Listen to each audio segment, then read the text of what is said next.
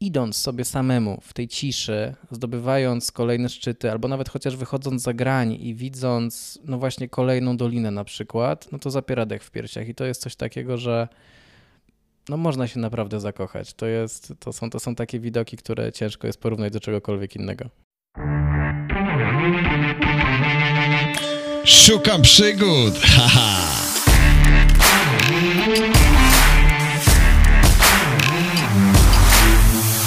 Słuchasz podcastu o przygodzie i podróży. Spotkaliśmy się dzisiaj w mieszkaniu Jakuba Przykopskiego. No cześć w ogóle Jakub, hej. Cześć Bartek. Tutaj jest, jest po prostu niesamowicie, bo Jakub sobie to mieszkanie sam urządził. Ma gdzieś skitrany tutaj jakiś migomat, czy coś takiego, tak? To jest migomat? E, spawarka inwertorowa. Spagar, spawarkę inwertorową. Zrobił sobie to jakieś rusztowania w środku w domu. Zrobił sobie siłownię w, w czasie pandemii. Zrobił sobie oświetlenie.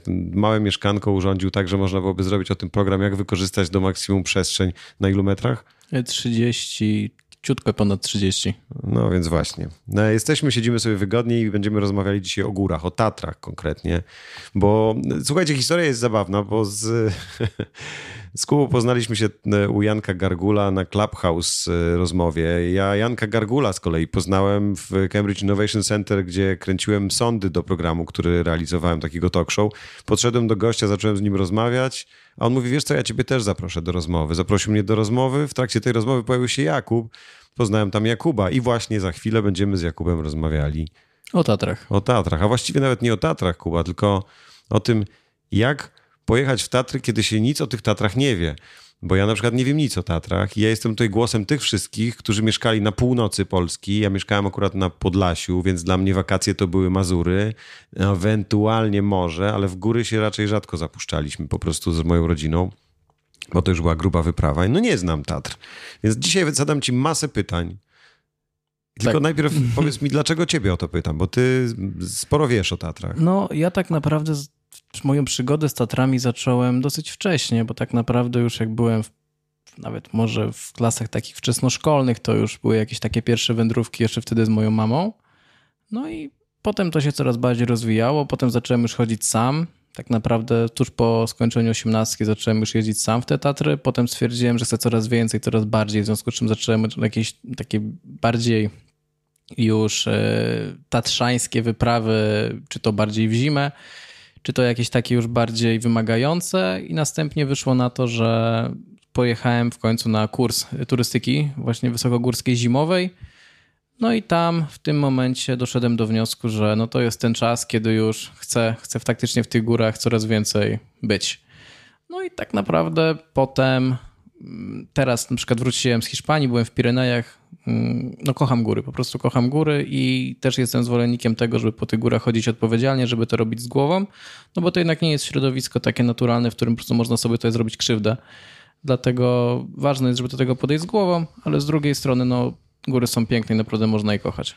No to w takim razie porozmawiamy o tym, jak się zakochać w górach, bo ja bym bardzo chciał. Ja parę razy w górach byłem i, i paradoksalnie, zanim byłem w Tatrach, to byłem w Himalajach i, i trekowałem ze z przyjaciółmi wokół Manaslu, a dopiero później, i to już będąc no, dużym chłopakiem, Wylądowałem w Tatrach z moim przyjacielem, chodziliśmy sobie po górach, ale nie pamiętam żadnego szczytu, żadnej nazwy, kompletnie. Nagrałem krótki filmik, który możecie w ogóle znaleźć na YouTubie, na kanale Dobry Bart. Jest film Jak chodzić po górach. Powiem wam, że jest, tam, jest to film, w którym e, przeżyłem niesamowitą e, przygodę oglądając Taty z nad chmur i jednocześnie nie pamiętając ani jednej nazwy góry, więc jeżeli cokolwiek, zobaczycie jakieś szczyty będę tam wymieniał, będę podawał nazwy, wszystko jest wymyślone, chyba każdy jeden szczyt. Powiedz mi, stary, kiedy w ogóle pojechać w Tatry? Bo ja bym chciał sobie z tobą zrobić dzisiaj taki odcinek, wiesz, taki Tatry dla opornych. Kiedy pojechać w Tatry? Jestem zero, tak? Zero górskiego doświadczenia, na powiedzmy. Pierwszy raz, na pierwszy raz tak naprawdę końcówka czerwca. Co prawda wtedy jest najwięcej ludzi, ale w praktyce jest tak, że wtedy również no, już nie napotkamy śniegu. Jedyne, co trzeba uważać, to są burze. Końcówka czerwca do kiedy? Z kolei, żeby takie okienko zrobić? Tak naprawdę do końca października bym powiedział. Dobra, no oczywiście uważając na pogodę. Tak, bo tak naprawdę do pierwszych śniegów już, do pierwszych śniegów tak naprawdę jest bezpiecznie. Ważne, żeby tak naprawdę nie wejść wtedy, kiedy już zaczną się przymrozki, kiedy już może po prostu być oblodzone coś, bo to pozornie łatwy szlak może się okazać bardzo trudny i niebezpieczny, jak się okaże po prostu, że jest oblodzenie i można po prostu w przepaść spaść na przykład, ześlizgnąć się. No i to się zdarza cały czas, tak? No. Szczególnie kiedy się trekuje w Japonkach. No, jednak jakby nie patrzeć, sprzęt jest ważny, to o tym chyba potem Będziemy pogadamy. rozmawiali o Tak, sprzęcie dokładnie. później, ale dobra, wiesz co, bo powiedziałeś ważną rzecz. Powiedziałeś, że na początek w Tatry lepiej, e, kiedy nie ma śniegu i lodu. Dokładnie. E, No wtedy też nie trzeba brać raków, nie trzeba też e, mieć e, ze sobą ABC lawinowego, nie trzeba znać techniki ratownictwa i tak dalej, i tak dokładnie, dalej. dokładnie. Technik ratowniczych, a... ale wspomniałeś o pogodzie. I ja mam do ciebie pytanie, jak ja mam sprawdzić pogodę w Tatrach? Gdzie ty sprawdzasz ją? No, tak naprawdę Na jest dużo, Onecie? dużo jest stron internetowych, na przykład na Meteoblue jest bardzo fajny... Meteo Blue. meteoblue.com bodajże. Mhm.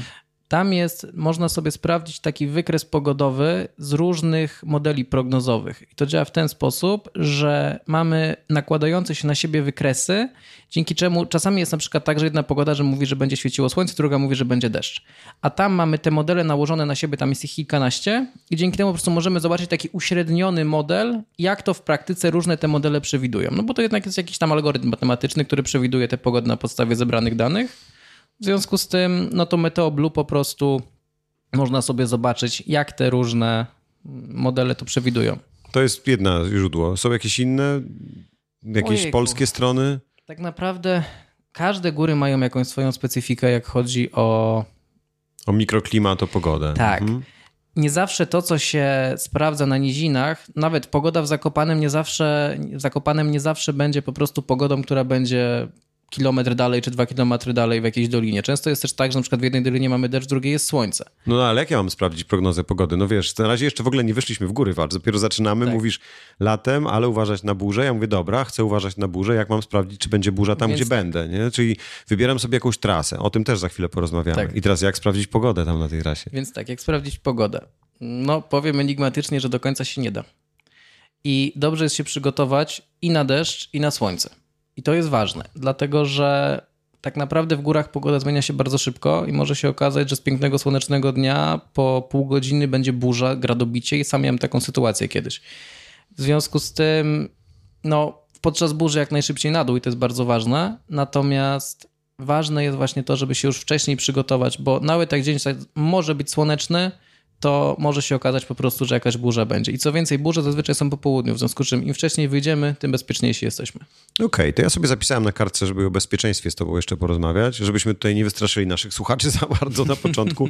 Właściwie zapisałem sobie też, żeby zapytać cię też jeszcze, ale to już zrobimy później, e, jak to się stało, że się zakochałeś w górach. E, Może powinniśmy od tego zacząć, ale kurczę, ja mam takie poczucie, że chyba wszyscy wiedzą, kto chce jechać w góry i kto słucha tego podcastu, to już wie, że się zakocha w górach i chyba nie trzeba mu opowiadać o pięknych wschodach słońca, zachodach słońca, niesamowitej przyrodzie, e, poczuciu tego, że coś zdobywasz, że jesteś na Wolność, górze, To jest w ogóle wolność. słowo klucz Tak? w górach, tak. To jest to. To jest coś takiego, że idzie się przed siebie. Często jeszcze jak na przykład wychodzimy gdzieś tam wcześniej rano, to tak naprawdę nie, właśnie nie zobaczymy tej całego, całego tego ogromu turystów, tylko rzeczywiście no mamy... Która to jest wczesna rano?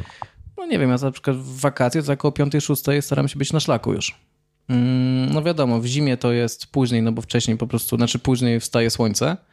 No i ogólnie po górach, po Tatrach nie można chodzić w nocy. E, W związku z tym no, staramy się wychodzić po prostu tak naprawdę świtem. No i idąc sobie samemu w tej ciszy, zdobywając kolejne szczyty, albo nawet chociaż wychodząc za grań i widząc, no właśnie kolejną dolinę na przykład, no to zapiera dech w piersiach. I to jest coś takiego, że no można się naprawdę zakochać. To, jest, to, są, to są takie widoki, które ciężko jest porównać do czegokolwiek innego. No to w takim razie jedziemy. Wiemy już, że na początek e, lepiej nie zimą. Mm, A gdybym chciał pojechać zimą, to gdzie pojechać? To Bo pojechać, wiesz, no bo jednak to jest zupełnie inne doświadczenie. To i- tak, przede wszystkim powiedzmy sobie tak, że w miarę bezpieczne w zimą, nie wszystkie, ale są szlaki do schronisk. Powyżej schronisk, jeżeli ktoś nie jest przygotowany do zimy, to nie polecam wychodzić. Natomiast na przykład zimą, yy, tak naprawdę po pierwsze strona Topru, gdzie są wszelkiego typu no, uwagi, oni piszą, które są, które są po prostu, jakie są stopnie zagrożenia lawinowego i również piszą, które szlaki są niebezpieczne, które są bezpieczne. No dlatego, że, żeby po prostu się nie władować w lawinę niechcący. I taki pozornie bezpieczny na przykład szlak do Morskiego Oka może się okazać bardzo niebezpieczny przy dużym zagrożeniu lawinowym, no bo mimo, że to jest tak naprawdę no, wybetonowana droga, tam jest asfalt, to może się okazać, że jakąś po prostu doliną taka lawina może sobie zejść przy dużym zagrożeniu. W związku z czym warto zawsze sprawdzić to zagrożenie, które jest pięciostopniowe. I tak naprawdę powyżej dwójki już nie powinno się wychodzić w ogóle, bo piątka to są lawiny, które zmiatają całe schroniska i wchodzą do miast. W związku z czym piątki tak naprawdę w Tatrach nie ma. Czwórka to jest ekstremalnie niebezpieczne, trójka to jest i tak bardzo niebezpieczne i przy trójce tak naprawdę już, jeżeli ktoś nie ma naprawdę dobrego przeszkolenia, to nie powinien wychodzić. Trójki to są już samoschodzące? Tak lawiny, naprawdę lawina czy... to może zejść. To trzeba by zobaczyć na tą klasyfikację. Przy dwójce? Okej. Okay. Tak. Ale mówisz, że powyżej dwójki lepiej się nie, powyżej nie pchać dwójki się nie pchać, a i tak przy dwójce dwójka to jest dalej duże, znaczy to jest, to jest chyba jako średnie czy umiarkowana mhm. ta dwójka, jak chodzi o tą klasyfikację na nazewnictwo. Natomiast już dwójka to już, są, to już jest zagrożenie realne, jedynka to już jest zagrożenie realne, bo to dalej jest jedynka niby, to niby jest małe czyli zagrożenie. Czyli zero to jest, yy, czyli no w tak ogóle nie ma zagrożenia jeżeli, jeżeli nie ma prognozowanego zagrożenia lawinowego przez TOPR, to można się spodziewać, że lawina nie zejdzie. Mhm. Natomiast zawsze jak widać śnieg, to zawsze lepiej jednak mieć rękę na pulsie. No to co znaczy mieć rękę na pulsie? To znaczy nie pchać się tam, jeżeli wiemy po prostu, że to że może... Że nie jesteśmy przeszkoleni, tak, że nie, mamy ABC lawinowego tak. ze sobą, jasne. Nie mamy partnerów. Mówię, są takie szlaki, gdzie które są polecane na zimę. I to powiedziałbym tam, przykład właśnie przy małym zagrożeniu to spokojnie można na to morskie oko sobie pójść. Natomiast mówię, no przy małym, przy jedynce, przy dwójce zależy jeszcze jakie tam są wystawy narażone, która strona po prostu góry y, jest zagrożona. Natomiast to wszystko na stronie Topru można znaleźć. Okej, okay, a jak wybrać sobie szlak? Bo ja na przykład nie wiem, czy szlak ma nazwę i on ma, składa się z takich waypointów i masz po prostu, jak wybierasz szlak, to wybierasz sobie szlak Kościuszko na przykład, tak jak pociąg i w tym momencie już wiesz, że on biegnie jakąś drogą i masz go na mapie i po prostu idziesz sobie szlakiem jakimś tam.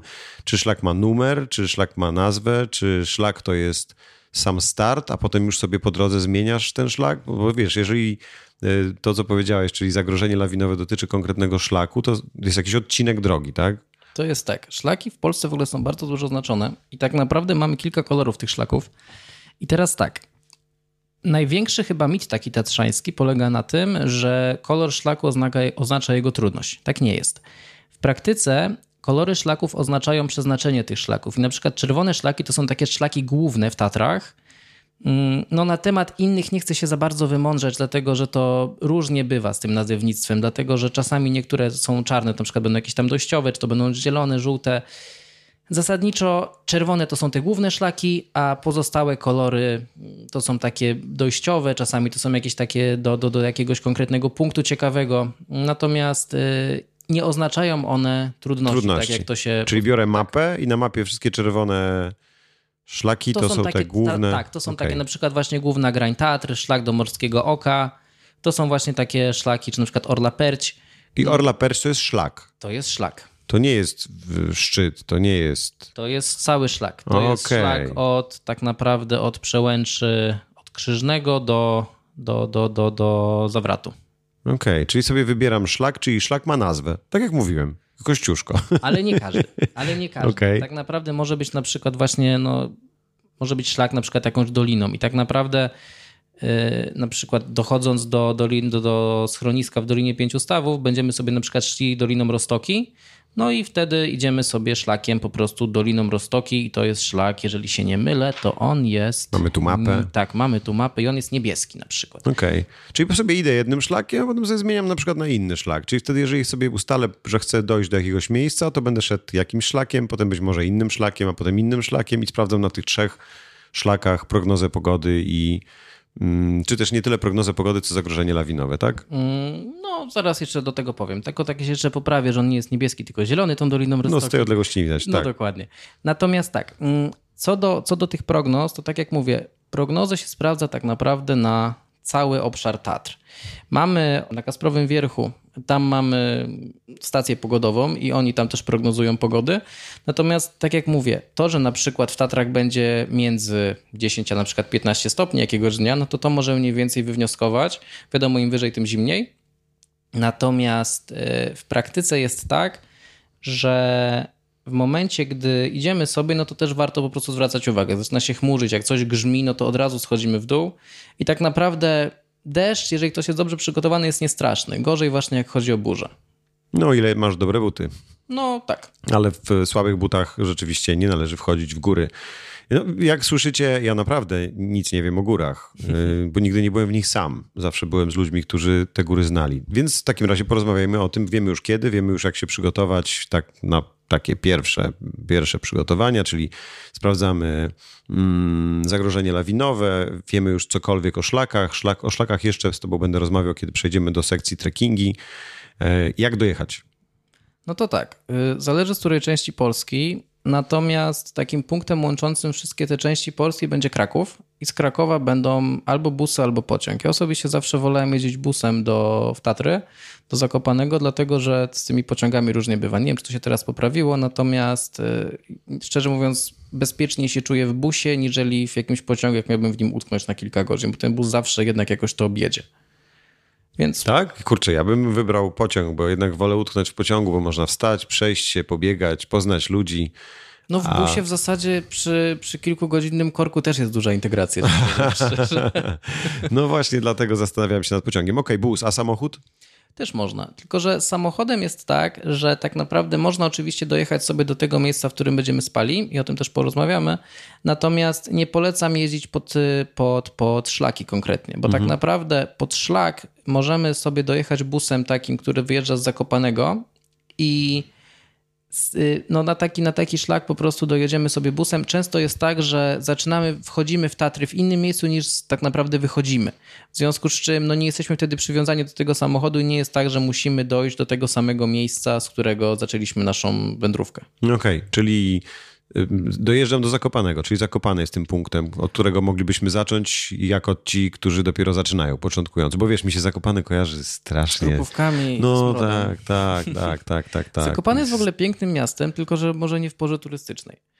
Natomiast. To kiedy tam pojechać, żeby zobaczyć, jakie jest piękne? Ja na przykład mam taki nawyk, że ja lubię pojechać tydzień po majówce albo tydzień przed majówką, bo wtedy jest pusto. Okay. Wtedy jest pusto. Rzeczywiście, no ta majówka to jest taki moment, że, że jest ogrom ludzi. No i potem na przykład studenci, to zawsze było popularne, że studenci sobie jeździli w góry no w październiku, bo tak naprawdę wtedy już tych rodzin z dziećmi nie ma, zazwyczaj już wakacje się wszystkie skończą, w związku z czym no ten październik jeszcze nie ma śniegu, jeszcze jest ciepło, jest też piękna jesień w górach, jest złoto, złoto-czerwono i rzeczywiście jest też puściej i no można sobie odetchnąć, bo tak naprawdę no znowu jak jest 30 stopni, jest taka typowa lampa, no to też nie jest za fajnie. No to prawda. E, więc dojeżdżam, e, dojeżdżam, mówisz, najlepiej busem, mogę pociągiem, mogę samochodem, ale później już zostawiam pojazd e, w, w tym Zakopanem i tam się poruszam przy pomocy busików, chodzę po górach, biorę busa i wracam znowu do Zakopanego. Tak, no i nie tylko Zakopane, bo tak naprawdę tych różnych wiosek i, i miejscowości pod Zakopanem to jest bardzo dużo. Ja miałem taki okres, że jeździłem do Bukowiny Tatrzańskiej, gdzie z kolei jest fajnie, bo tam naprawdę, no teraz otworzyły tam się termy, w związku z czym znowu no, dużo więcej osób tam przyjeżdża. Ja jeszcze jeździłem, pamiętam 15 lat temu, no to tam tych term nie było i był spokój. Natomiast ogólnie są te mniejsze miejscowości właśnie, gdzie jest dalej spokojnie. No tylko to się wiąże z tym, że zawsze jak chcemy pójść na jakąś trasę, no to mamy ten dojazd na przykład wydłużony o pół godziny, no bo musimy do tego busa dojść, musimy tym busem pojechać do Zakopanego i dopiero z Zakopanego jechać dalej. I tak naprawdę na większość szlaków z moimi wyjątkami jednak jedzie się dojeżdżając z tych mniejszych miejscowości przez Zakopane i potem dalej do tego szlaku. Okej, okay, czyli znowu samochodem jadąc tam będę miał, mógł, mogę, w takim razie samochód daje mi tą przewagę, że mogę uciec z tego Zakopanego zatłoczonego do jakiejś małej wnioski i po prostu rano przyjechać samochodem do Zakopanego i stamtąd busem i potem wrócić do Zakopanego i potem samochodem. Dobra, no jest to pomysł. Co z mhm. noclegiem? Gdzie szukać noclegu w Zakopanem? Ojejku, gdzie szukać noclegu? No, noclegu tak naprawdę dobrze jest szukać y, na różnego typu stronach internetowych, które byłyby y, no, takie typowe bookingi i tak dalej. W Zakopanem tak naprawdę okolice właśnie dworca PKP, tam jest taka zajezdnia busów, no i te busy tam się rzeczywiście zatrzymują do większości szlaków, do początku większości szlaków można stamtąd busem po prostu dojechać i rzeczywiście to jest takie dobre miejsce wypadowe, więc w tamtej okolicy i wbrew pozorom nie jest tam aż tak najdrożej, bo tak naprawdę najdroższe to są takie duże hotele, gdzie mamy i sauny, i baseny, i różne bajery. Natomiast mamy tak naprawdę, nie wiem, wydaje mi się, że w tym momencie większość osób, które mieszka w tym Zakopanem, w sezonie turystycznym po prostu wynajmuje pokoje. W takim pokoju możemy sobie, nawet czasami bez łazienki, Natomiast po prostu możemy sobie tam przekimać i mieć wtedy fajne miejsce wypadowe od razu na wędrówki z samego I to rana. też znajdę na bookingu albo gdzieś... E... Zasadniczo tak, no.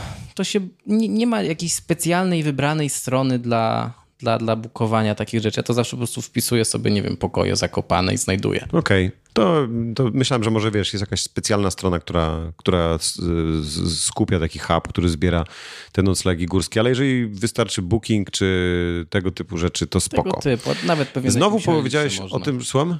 Pewnie nawet na jakimś Elixie można poszukać tak samo. o, nawet nie próbowałem nigdy. Nigdy nie rezerwowałem nic za Elixa. Na Elixie tylko kupuję używane rzeczy. Dobra, okej. Okay. Czyli teraz Znowu wspomniałeś o tych trasach i ja chciałbym się zapytać w takim razie, bo mówisz, że stamtąd do wszystkich tras, do większości tras startują busy, to ja mam do ciebie Kuba pytanie o to, skąd sobie wziąć, skąd czerpać inspiracje dotyczące tras? Skąd, gdzie zdecydować, dokąd ja chcę w ogóle pójść, tak? No, ty siedzisz, patrzysz na mapę i ty widzisz od razu na tej mapie te góry, bo ty tam byłeś. No tak. A ja patrzę na tą mapę i myślę sobie, kurczę, no wiesz, patrząc na mapę, małe, ciche, widzę, super, brzegi, ale nie mam zielonego pojęcia. E, czyli co, biorę taką mapę, kupuję sobie mapę, co to jest? Tatrzański Park Narodowy, tak? Tak. E, I, i, i ile takich map muszę mieć?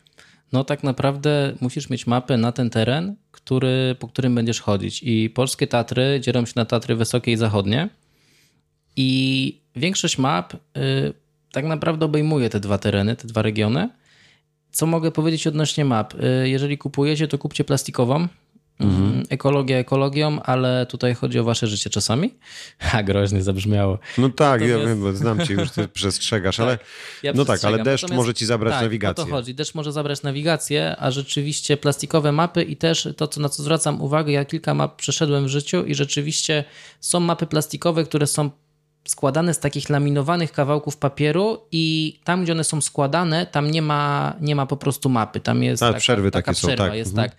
Więc jak będziecie szukali mapy, to po prostu znajdźcie sobie taką i tak naprawdę w Zakopanem na spokojnie znajdziecie taką mapę, to bez problemu to się przejdzie do pierwszej Taką, która ma te przerwy, czy która nie ma? Bez tych przerw, tak. Okay. Mhm. I właśnie taką bez tych przerw, żeby nie trzeba było się zastanawiać, że kurczę, nagle na pół centymetra czy na centymetr na mapie urwał wam się szlak i jak ten szlak dalej idzie. Bo to bywa czasami, znaczy czasami to jest oczywiste, czasami jak są jakieś skrzyżowanie i tak dalej, akurat to przecięcie wypadnie na skrzyżowaniu, to nagle się okazuje, kurczę, jak tu się dalej idzie.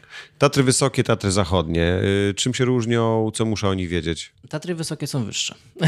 A zachodnie są na zachód są od tych zachód, wysokich. Okej, okay, rozumiem. Bliżej Niemiec, bliżej niemieckiej granicy. No, a, za, a, a Tatry wysokie są bliżej rosyjskiej. Tak, tak, mhm. tak, tak. No i ogólnie bliżej Himalajów też. Tak. No, natomiast, y, nie no, tak mówiąc serio, mm, Tatry zachodnie to są takie Tatry, które na przykład, y, no, one są trochę z, innych, z innego rodzaju skał, jeżeli dobrze pamiętam, z, z takich geologii Tatr. E, natomiast zasadniczo Tatry Zachodnie to są takie Tatry, które są mniej oblegane na pewno, przynajmniej tak z, mojego, z moich odczuć własnych. Mm, no bo chyba najbardziej obleganym szlakiem w tym momencie jest na Morskie Oko. E, więc, więc, więc to jest taki, taki, taki punkt, do którego wszyscy zawsze chcą. I na Morskie Oko oczywiście polecam się przejść. Tylko, że czy to, czy to tak naprawdę w takim sezonie turystycznym iść pośród tak naprawdę wielkiej rzeszy ludzi, czy to jest taka radocha, bo to tak naprawdę jakby się przejść do parku, to już to nie są do końca takie góry. Widoki są piękne, natomiast tego, nie, nie da się poczuć gór. A gdzie się da poczuć góry, jeżeli pojedziesz w sezonie? Na przykład no, jutro akurat, y, bo nagrywamy to dzień przed y, świętami wielkanocnymi. Oczywiście jest pandemia, w związku z tym nie można wyjeżdżać i tak dalej, no ale zapomnijmy o tym. Pomyślmy, wyobraźmy sobie, że jest to normalny świat, normalne życie. Jutro jest Wielkanoc albo majówka i nagle mam wolne dni, mogę sobie pojechać w Tatry, to, to gdzie mogę pójść? Jakie trasy, szlaki mogę wybrać w, taki cza, w takim czasie, kiedy będzie wielu turystów, gdzie będzie trochę ich mniej? No bo na przykład wiem, z dziećmi tam nie wejdą, albo im się nie będzie chciało, bo jest troszeczkę trudniej, albo się człowiek zmęczy, albo nie ma piwa McDonalda. To znaczy tak naprawdę piwa i McDonalda to nie ma w całych Tatrach. Mm, no i dobrze, żeby też nie było, bo jednak chodzenie pod wpływem nie jest za dobrym pomysłem po Tatrach. Natomiast hmm, powiem tak, z mojego doświadczenia właśnie Tatry Zachodnie, natomiast tak jak ty teraz będziesz jechał, to uważam, że lepszym wyborem byłoby faktycznie trzymanie się tych niższych partii, bo jeszcze wciąż jest śnieg. Tak naprawdę w tym roku śnieg prawdopodobnie będzie tak do końca maja, może nawet, może nawet początek czerwca, coś takiego w tych wyższych partiach się utrzymywał. Dlatego mówię, że właśnie tak, tak naprawdę od początku czerwca dopiero polecam chodzenie w te Tatry wysokie, jak ktoś nie ma przygotowania zimowego, bo może się okazać tak, że po prostu ktoś się właduje w coś, w co nie chce się władować, no właśnie dlatego, że jeszcze tam będzie śnieg. Więc na tę porę roku, gdzie tak naprawdę mamy dzisiaj 1 kwietnia, prima aprilis, to jeszcze nie zrobiliśmy sobie żadnego żartu. No, Natomiast- rząd nam zrobił żart dzisiaj. Ja rano dzisiaj dostałem informację, że mogę się zarejestrować na szczepionkę, po czym zrobiłem to i dostałem informację, że jednak to był błąd w systemie, w związku z tym jednak y, nie będzie tej szczepionki. Po czym przyszła informacja, że jednak będzie ta szczepionka, tylko nas przesuną na maj. Po czym była informacja, że jednak minister zdrowia podaje się do dymisji. Znaczy nie podaje się do dymisji, ale oddaje się, a zresztą nieważne, nie rozmawiajmy o tym. Wróćmy w góry. Wróćmy w Szkoda góry. czasu. W ogóle właśnie odnośnie tego, co mówisz, góry są takim fajnym miejscem, w, których, w którym można zapomnieć o takich troskach z życia codziennego i to jest... No i ja chcę zapomnieć, tylko które, które szlaki byś polecił w takim razie? Na taki weekend, kiedy są turyści najpierw. Wybierzmy najpierw, wybierz trzy, dałbyś radę teraz tak z głowy rzucić trzy takie szlaki, kiedy są turyści, a ja chciałbym troszeczkę ich mniej mieć na, Na tym szlaku. przykład ja bym poszedł sobie na Rusinową Polanę. Okej. Na Rusinową Polanę i potem dalej można przejść z Rusinowej Polany na Gęsią Szyję. I to jest taka mało wymagająca wycieczka. Znaczy, no gęsia szyja tam się wchodzi po takich belach drewnianych, y, które są na wzór schodów ułożone. A bez schodów? Mm, No bez w gó- góry jednak gdzieś w górę. Ale Więc może, może, może w górę, ale bez żadnych bel i schodów. Bez bel i schodów byś Mhm. chciał. Hmm. Na przykład można by wejść do schroniska w Dolinie Pięciu Stawów, właśnie Doliną Rostoki. I to byłby taki szlak, który tak naprawdę zaczyna się go razem y, z tym szlakiem do Morskiego Oka, natomiast tak na wysokości wodogrzmotów Mickiewicza się odbija w prawo. No i idzie się tym szlakiem, on się potem jeszcze rozgałęzia, można sobie pójść dwoma wariantami. Y, Czarny jest taki trochę bardziej eksponowany, czyli tam jest po prostu bardziej przepaściście. Mm, No i tam się idzie, piękne widoki, widać wodospad Siklawę i rzeczywiście mm, no to jest taki szlak, gdzie tam za dużo ludzi tak naprawdę nie ma, bo jednak, znaczy no wiadomo, ogólnie szlaki do schronisk są bardziej obligane, oblegane niż od schronisk, czyli powyżej schronisk, natomiast te szlaki, które są no właśnie poniżej, no Dolina Rostoki po prostu jest przepiękna. Więc to by był ten drugi szlak. A trzeci szlak to ja osobiście bardzo lubię Czerwone Wierchy, czyli mamy Ciemniak, Małołączniak i Kopę Konradzką. I tak naprawdę no to są szczyty już powyżej 2000 metrów, w związku z czym tam już na jakąś taką wysokość słuszną wejdziemy. Natomiast też nie są to takie szlaki, które byłyby oblegane. I to jest bardzo długa wycieczka i ciężka. Natomiast gdy ktoś ma Takie takie chcemy. ambicje, takie chcemy, gdy ktoś ma takie ambicje, żeby rzeczywiście pójść sobie zrobić długą wyprawę taką po Tatrach, to ja bym polecał tak, Doliną Kościeliską sobie zacząć i Doliną Kościeliską dojść do schroniska w hali Ornak, następnie Doliną Tomanową. To jest taki zielony szlak, którym można właśnie dojść na Ciemniak i następnie właśnie przez Małołączniak i Kopę Konradzką można sobie pójść, potem pod Giewontem się schodzi tak naprawdę albo Doliną Małej Łąki. Tak naprawdę Doliną Małej Łąki tam można sobie już wtedy wrócić do, do cywilizacji, do jakiegoś właśnie busa. Jakoś mi te nazwy dzwonią gdzieś tam. Mam wrażenie, że tam byłem, tylko oczywiście nie pamiętam na 100%, ponieważ nie jestem w stanie zapamiętać tego, co powiedziałeś nawet do mnie przed chwilą. Oprócz mojej łąki już nie pamiętam. Ciemniak? Dobra. Super. I to jest na ile czasu taka wyprawa? To jest cały dzień? No to jest cały dzień, tak. No to wspaniale. To jest cały To już dzień jest pomysł. I to już trzeba mieć takie przygotowanie, żeby rzeczywiście no, mieć siłę po prostu tam przejść, żeby nie utknąć. I tak to, to co ja mówię, dobrze jest wyjść rano i najważniejsza taka bym powiedział, takie, takie powiedzenie, które można mieć w głowie, to że góry poczekają, natomiast zdrowie ma się jedno i żeby zawsze jak psuje się pogoda, po prostu zejść z tych gór. Bo góry są bezpieczne, jak się o nie, ma, ma, po prostu podchodzi się do tego z głową. Okej, mamy już kilka tras. Gdzie mogę szukać inspiracji, Kuba, jeżeli chodzi o trasy? Wpisuję w Google co, trasy Tatry, czy, czy szlaki Tatry i Żebym teraz nie przekręcił nazwy, na Facebooku jest taka strona jak Tatromaniek. Tatromaniak. Oni, tak, oni wypuścili przewodnik, który przez pewien czas był bezpłatny, teraz już chyba jest płatny, natomiast również z tego co pamiętam jest strona internetowa i na tej stronie internetowej oni właśnie zrobili taki przewodnik właśnie po szlakach górskich.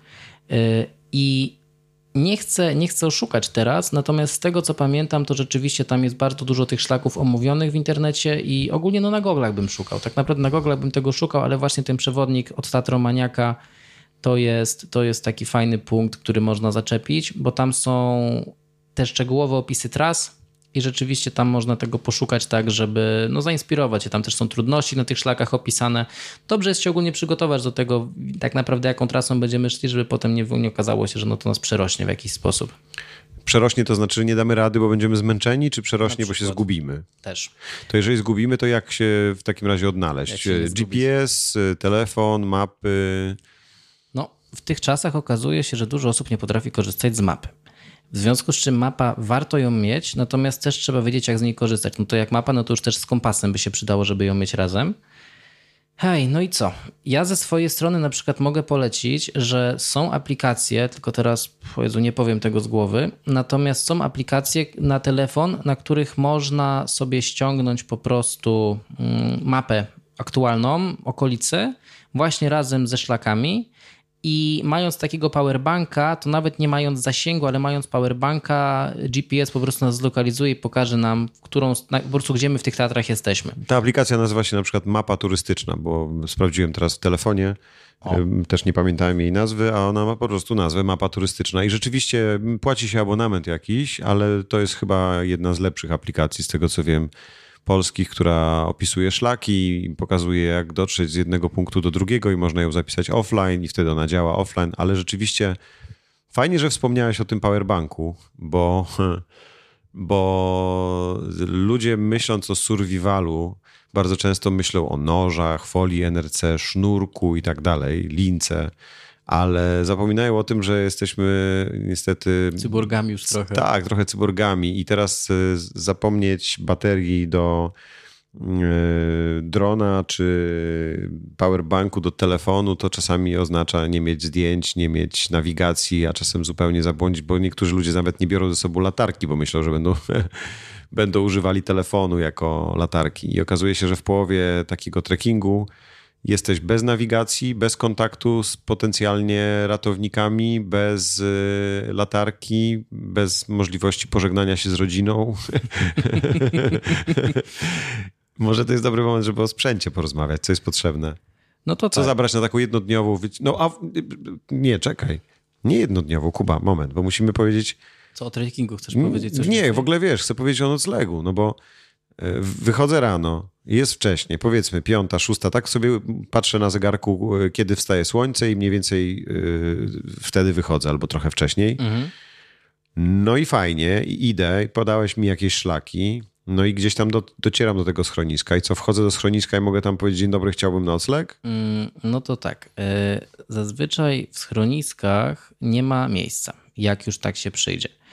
I jeżeli jesteśmy w takiej sytuacji, że rzeczywiście no, przyparło nas do muru, to w części schronisk nas przyjmą, po prostu nas przyjmą, w części, no tak naprawdę to się zmienia. Ogólnie oni nie powinni nam pozwolić spać po prostu tak, y, tak, tak na krzywy ryj. Natomiast y, czasami... No przepisy pożarowe się zmieniły parę lat temu i już Dokładnie. nie przyjmują nawet na podłodze. Kiedyś Dokładnie. można było spać na schodach nawet, ale tak. To się zmieniło, natomiast czasami ratują rzeczywiście. Dokładnie, więc jeżeli jesteśmy faktycznie w takiej sytuacji, że nas przyprze do moru podłoga, podłoga pogoda, e, jeżeli rzeczywiście, czy to właśnie kwestia pogody, no ogólnie jeżeli nie ma takich warunków, żeby wrócić, że na przykład, nie wiem, środek nocy, zamieć śnieżna, co by to tam nie było, to oni nas wtedy faktycznie jakoś tam dadzą nam po prostu przekimać. Natomiast no, na to nie ma co liczyć i ogólnie nie zakłada się raczej takich opcji.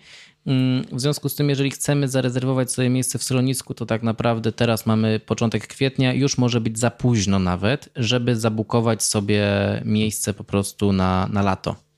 Już w kwietniu, okej. Okay. Czyli jeżeli teraz idę w góry, to muszę sobie rano planować, czy też dzień wcześniej planować sobie trekking tak, żeby na pewno wrócić przed zmrokiem. Tak. I ja na przykład jak tak robiłem, to w praktyce no to są takie wycieczki czasami po 12-14 godzin, że jest tak naprawdę 14 godzin marszu z małymi przerwami.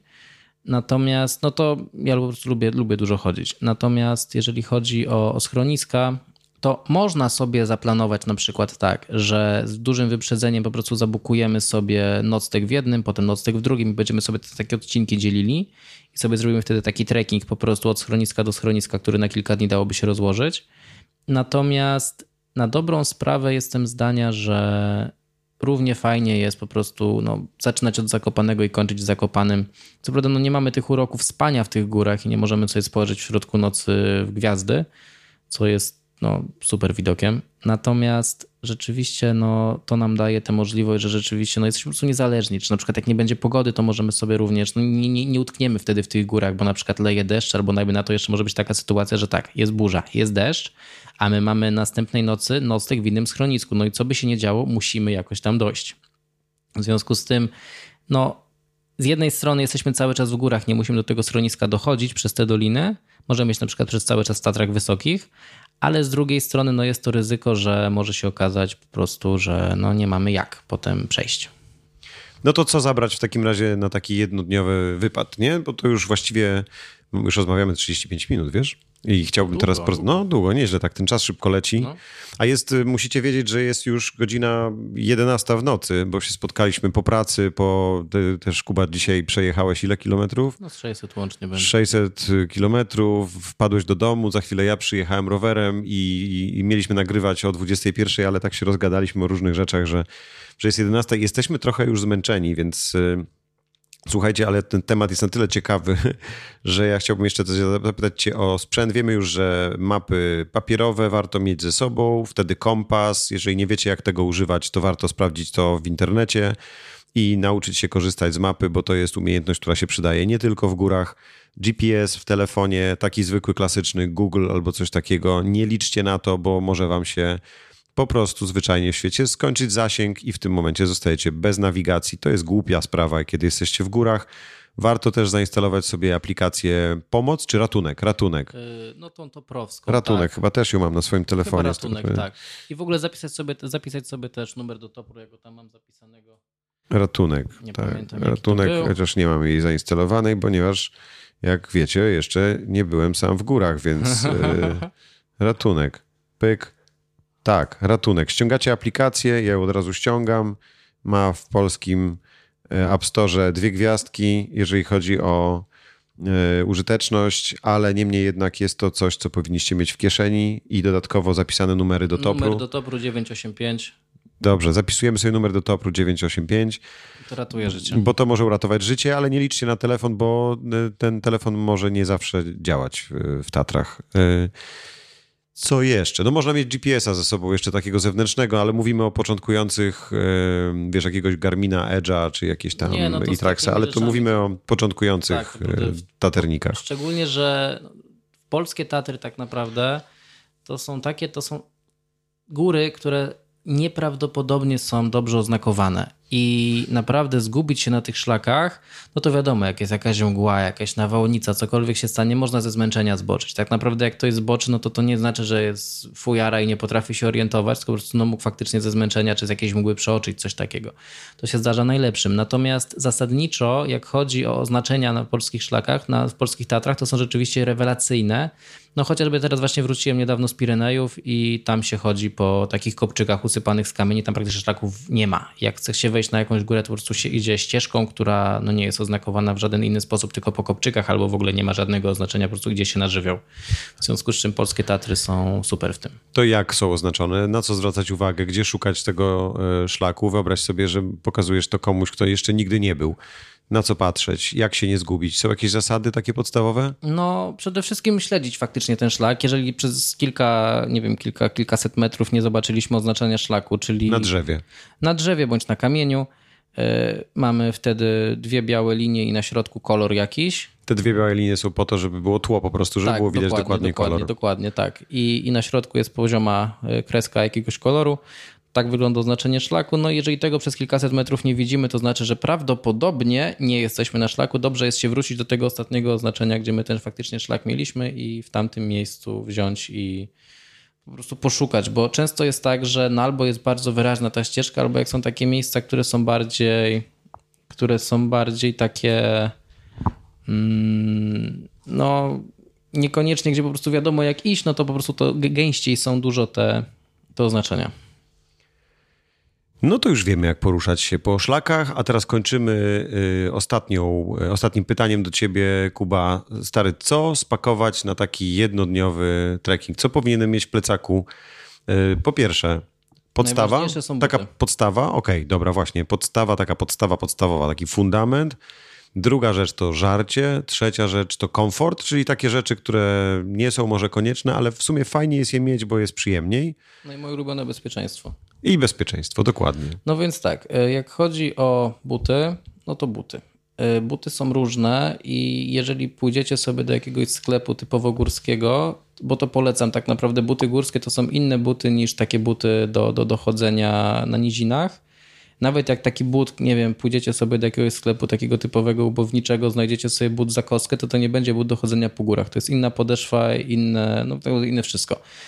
W związku z tym typowo polecam pójść do sklepu takiego górskiego i poprosić kogoś, żeby powiedział, żebyście jemu powiedzieli, gdzie chcecie iść, on wam dobierze buty do tego. No tutaj guma też ma ogromne znaczenie. To, tak, no z czego podeszwa, jest zrobiona tak. podeszwa, nawet nie chodzi tylko o fakturę, chociaż także, ale także w ogóle materiał, z którego jest zrobiona, Tak, bo tak, tak. to jest absolutnie niebo a ziemia, jeżeli macie buty do chodzenia po górach i zwykłe buty i zobaczycie, jak się ślizgają wasi znajomi na butach, które kupili sobie po prostu butach do wędrówki, a butach górskich, które po prostu z jakiegoś powodu nawet na mokrym kamieniu się tak niechętnie ślizgają. I to wszystko jest bezpieczeństwo, bo tak naprawdę pozornie but, który możecie sobie kupić no, kilkadziesiąt, kilkaset złotych więcej, może być tym, co wam uratuje życie.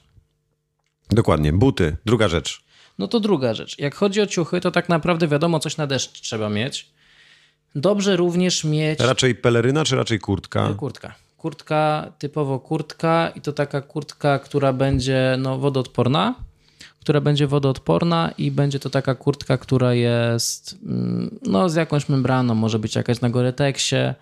To są drogie kurtki, a gdyby nie, no to po prostu na Decathlonexie i też jest ok na sam Decathlon początek. też ma jakieś tam membrany na pewno. Ma. Mhm. Natomiast mm, zasadniczo ja w ogóle bardzo jestem pozytywnie zaskoczony jakością rzeczy z Decathlona. Naprawdę zdarzają się bardzo fajne rzeczy. To prawda. Sam chodzę w spodniach z Decathlona od kilku lat i są rewelacyjne. Mhm, też mam parę rzeczy i też jestem bardzo zadowolony. I ceny są naprawdę spoko. Tak, tak, tak, tak, tak. Więc dokładnie. mamy kurtkę z jakąś membraną. Jeżeli nie mamy membrany, no to kurtkę przeciwdeszczową. Wtedy się trochę bardziej spocimy, ona nie oddycha, będzie nam gorąco, kiedy będziemy szli. Jeżeli nigdy nie szliście w górach i nie jedziecie pod górę, kiedy pada deszcz, to nie zdajecie sobie sprawy z tego, jaka sauna robi się w waszej kurtce, jeżeli nie możecie odpiąć zamków pod pachą albo nie macie membrany.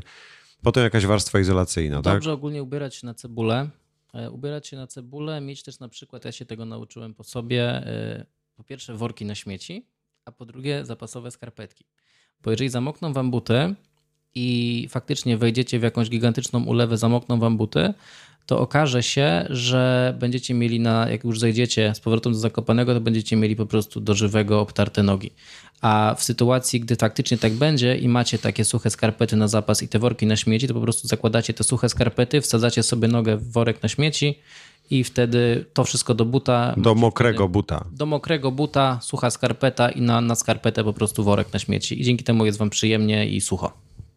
Dobry patent, bardzo dobry patent.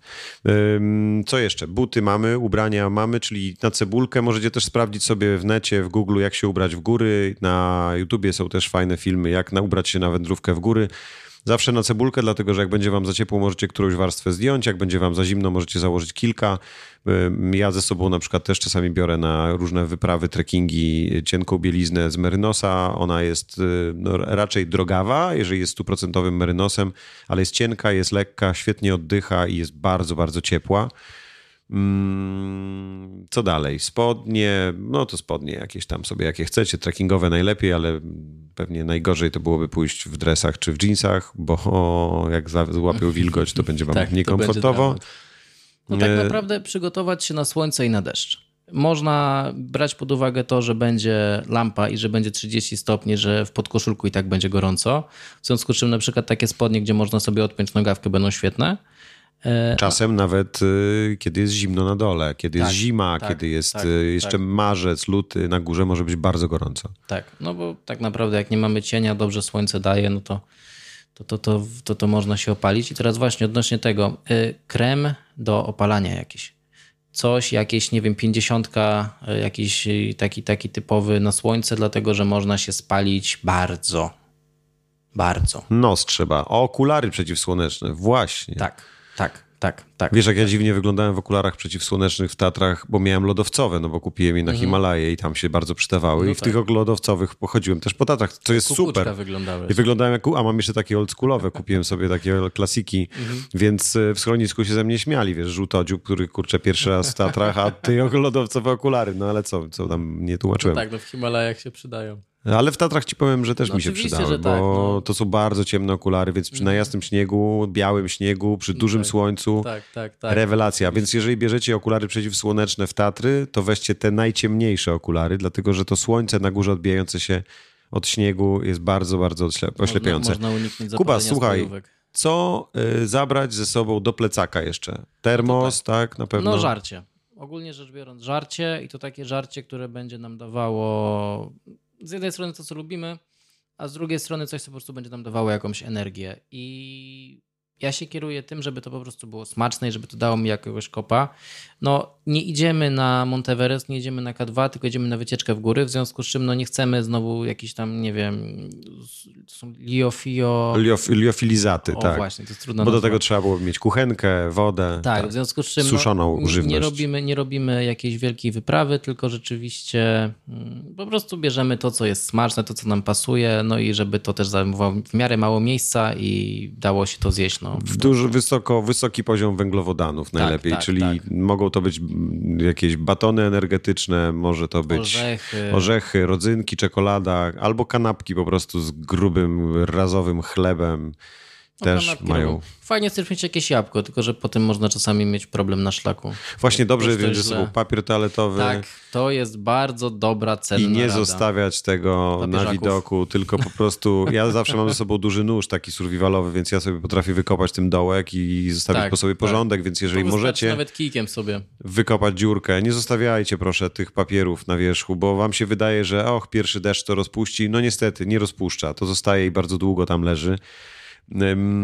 Co jeszcze? Jakiś mały zestaw survivalowy zawsze ze sobą biorę. Ja ze sobą biorę na wszystkie wyjścia folię NRC, kawałek linki, yy, mały kompas, yy, scyzoryk albo ten nóż, No i jakąś tam krzesiwo, zapałki i tak dalej. No to apteczka, apteczka, apteczka. I apteczka. Ja to No. biorę po prostu już jako takie przyzwyczajenie. To jest odruch, warto mieć, bo się przydaje. Mało waży, mało miejsca zajmuje, rzeczywiście się przydaje.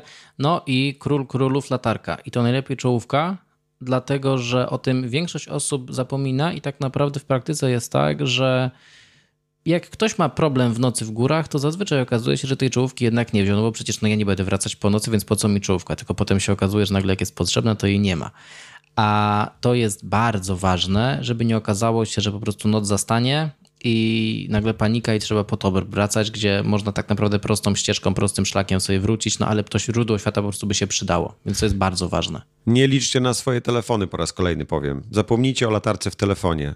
Zapomnijcie o latarce w telefonie, weźcie czołówkę i dobrze jest też mieć zapasowe baterie, bo w sytuacji, kiedy czołówka jest potrzebna i musicie kilka godzin jej używać, bo nie jesteście w stanie wrócić z jakiegoś powodu przed zmrokiem, czyli jesteście w sytuacji awaryjnej, to może się okazać, że tych baterii macie za mało. Albo że mieliście po prostu stare baterie, więc zawsze mieć lepiej drugi komplet. To są tylko trzy małe paluszki najczęściej, więc yy, nie zabierają dużo miejsca.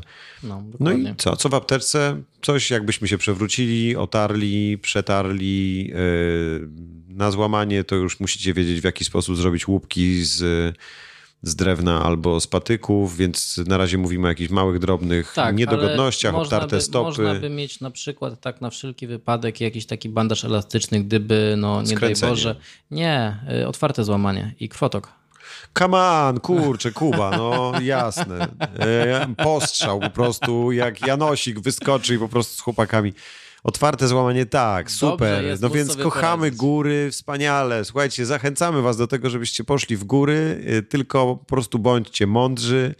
I stary, myślę, że, głową. że bliższe y, i bardziej prawdopodobne jest to, że ktoś po prostu w nie do końca zawiązanych butach źle stanie, poślizgnie się i sobie po prostu skręci kostkę i wtedy też rzeczywiście się przyda ten, ten, ten e, bandaż elastyczny, żeby tą, tą stopę obandażować. Jezus Maria, słuchajcie, jeżeli będziecie wybierać się w góry, nie rozmawiajcie z Kubą, bo się możecie za bardzo wystraszyć, ale ja bym chyba już chciał kończyć, stary, bo mam No, wrażenie, że wiem wszystko. tak. Wiem kiedy, wiem jak, wiem jak dojechać, wiem o noclegu, wiem o trasach, wiem o schroniskach, wiem o bezpieczeństwie, wiem jak w pogodę sprawdzić, mapy, orientacja, buty, wszystko. Wiem nawet o złamaniach otwartych, więc właściwie, kurczę, wiem o górach już tyle, że jutro mogę wsiąść no właśnie, w samochód albo może w pociąg, zobaczymy jak z biletami i śmignąć sobie na weekend y, w góry. No dokładnie i od siebie mogę bardzo polecić naprawdę za każdym razem, jak tam będziecie. To jeżeli tak naprawdę góry to jest takie miejsce, które albo się kocha, albo się nie rozumie, dlaczego inni to kochają. Więc jeżeli jeszcze nigdy nie byliście, to po prostu sami sprawdźcie, czy to rzeczywiście warto i czy to jest coś dla was, a jeżeli już tam będziecie, zakochacie się w nich, no to tylko z głową i tylko chodzić, tylko się nimi cieszyć. Jakub Przykopski, serdecznie dziękuję. Również I dziękuję. cóż, dobrej nocy ci życzę, bo jest późno. No i tobie też. Dzięki stary za twój czas. Dziękuję ci bardzo za wszystko. Hej. you